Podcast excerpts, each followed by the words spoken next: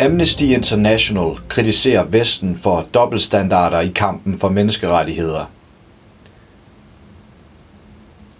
Verdens største menneskerettighedsorganisation, Amnesty International, kritiserer i sin netop udgivende årsrapport for 2022 de vestlige lande for ikke at udvise samme kampgejst, når det gælder forsvaret for menneskerettighederne i resten af verden, som man gør, når det gælder den russiske regeringskrig i Ukraine.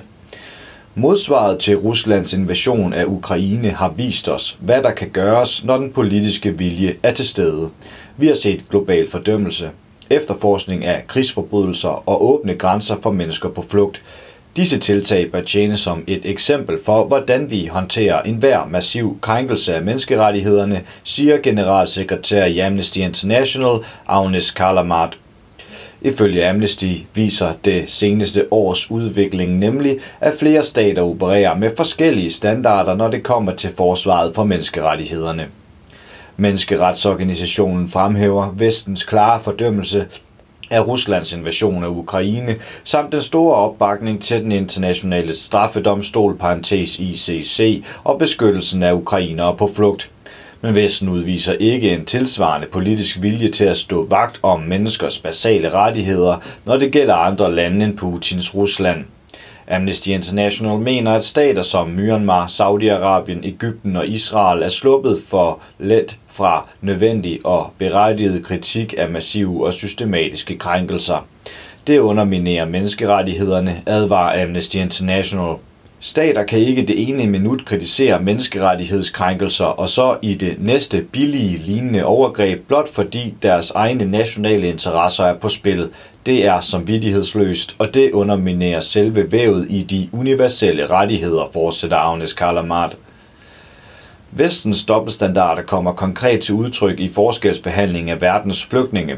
Amnesty International bemærker, at mens EU-landene med rette bød ukrainske flygtninge velkommen og tilbød dem beskyttelse, bolig, uddannelse og adgang til sundhedsydelser, forsøgte flere lande samtidig at lukke grænserne for mennesker på flugt fra krig og undertrykkelse i lande som Syrien, Afghanistan og Libyen.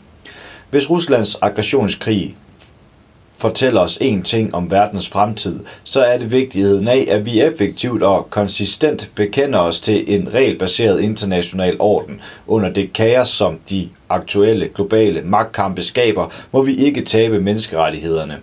De bør i stedet guide os igennem den stadig mere usikre tilstand, som verden befinder sig i, siger Agnes Kalamart.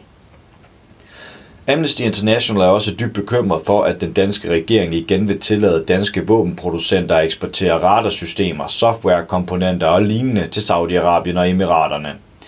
Vi og andre har gentagende gange dokumenteret, hvordan disse våben bruges af Saudi-Arabien og de forenede arabiske emirater til at begå krigsforbrydelser i Yemen i form af angreb på beboelsesejendomme, skoler og hospitaler. Danmark bør holde sig langt væk fra eksport til disse lande, hvis vi ikke vil ende med, at dansk våbeneksport understøtter alvorlige menneskerettighedskrænkelser, siger generalsekretær for Amnesty i Danmark, Vibe Klarup.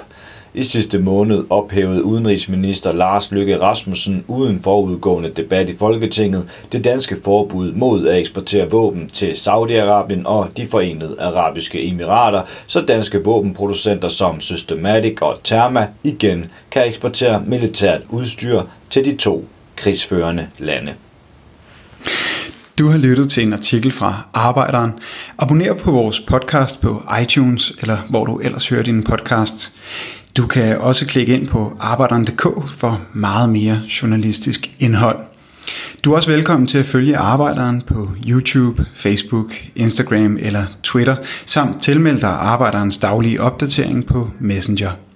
Vil du i kontakt med redaktionen, kan det ske ved at sende en mail til redaktion Tak fordi du lyttede med.